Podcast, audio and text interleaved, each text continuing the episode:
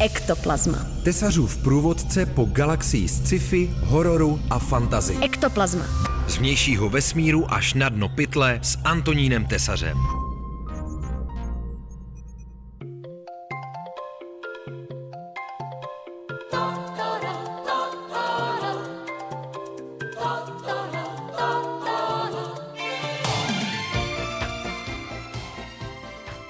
Příjemné odpoledne přeje a u pořadu Ektoplazma vás vítá váš soused Antonín Tesař. Dnes se budeme zabývat dvěma osobnostmi, které spojuje fanatický perfekcionismus, pokud jde o jejich přístup k jejich tvorbě, ale také to, že o nich v nedávné době vznikly dokumenty, které je možné momentálně sledovat online a zdarma. Prvním z nich je věhlasný animátor Hayao Miyazaki, ústřední osobnost slavného animačního studia Ghibli a druhý je o dost méně známý, ale taky hodně zajímavý výtvarník, američan Jim Woodring, jehož komiksovou sbírku Mrakobytí můžeme obdivovat i v českém překladu a je to opravdu skvělá práce. Ektoplazma. Začnu teda televizní miniserií Ten Years with Hayao Miyazaki, 10 let s Hayao Miyazakim, který vysílala a na svých stránkách zpřístupnila veřejnoprávní japonská stanice NHK. Ta čtyřdílná minisérie sleduje Miyazakiho od roku 2004, kdy začal pracovat na filmu Ponyo z útesu nad mořem, do roku 2013, kdy vznikl jeho zatím nejnovější celovečerní film Zvedá se vítr.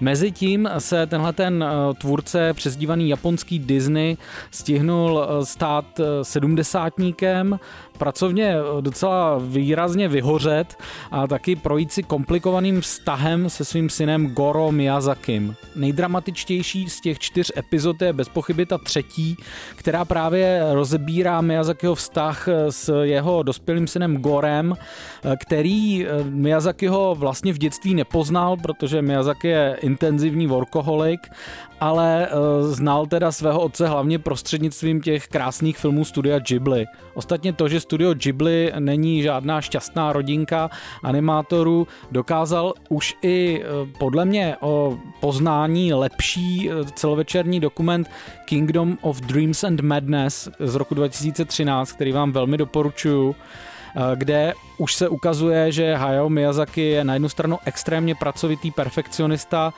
který sám upravuje výtvarné návrhy svých spolupracovníků a do nejmenších detailů vlastně osobně dohlíží na vznik toho díla.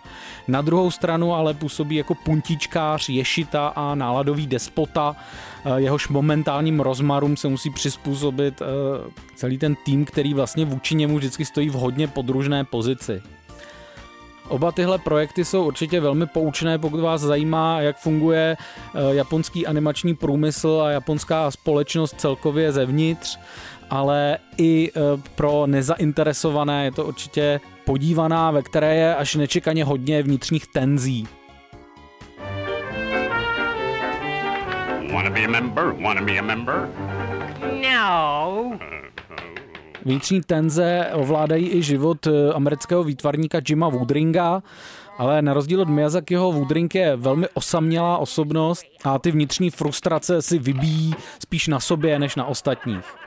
Autor vynikajícího komiksu Mrakobytí od dětství trpěl jednak poruchou schopnosti rozeznávat obličeje a jednak velmi živými, fantaskními a hodně bizarními vizemi, kde na něj mrkali žáby a zjevovaly se mu další fantasmagorická stvoření. A navíc, jak jsem říká, tak velmi v pozdním věku zjistil, že velmi pravděpodobně trpí autistickou poruchou. V dokumentu The Illumination of Jim Woodring se ale ukazuje, že Woodring dokázal tuhletu životní životní zkušenost nebo to své životní nastavení využít k tomu, že se stal dalším z takových těch komiksových mystiků ražení Alejandra Chodorovského nebo Elena Můra, ale v jeho případě se ty kosmologické úvahy a ten magický přístup k životu drží v hodně osobní a hodně osobité rovině, která mě konkrétně přijde hodně inspirativní. Ektoplazma. Jim Woodring je vizuálně hodně ovlivněný americkým kartoonem, Ty jeho komiksy jsou většinou beze slov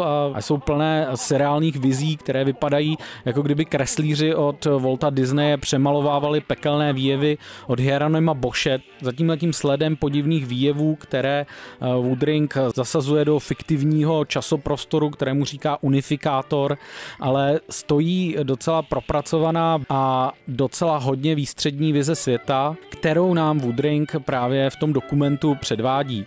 A myslím docela dobré si ho vyslechnout pro eh, nějaký kontext právě k té docela záhadné eh, tvorbě, do níž patří právě i v češtině vydané mrakobytí. To je ode mě pro dnešek všechno, naslyšenou se těší a do říše unifikátoru se momentálně noří Antonín Tesař.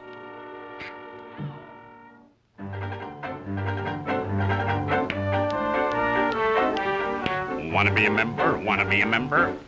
No! Ektoplazma. Tesařův průvodce po galaxii sci-fi, hororu a fantazy.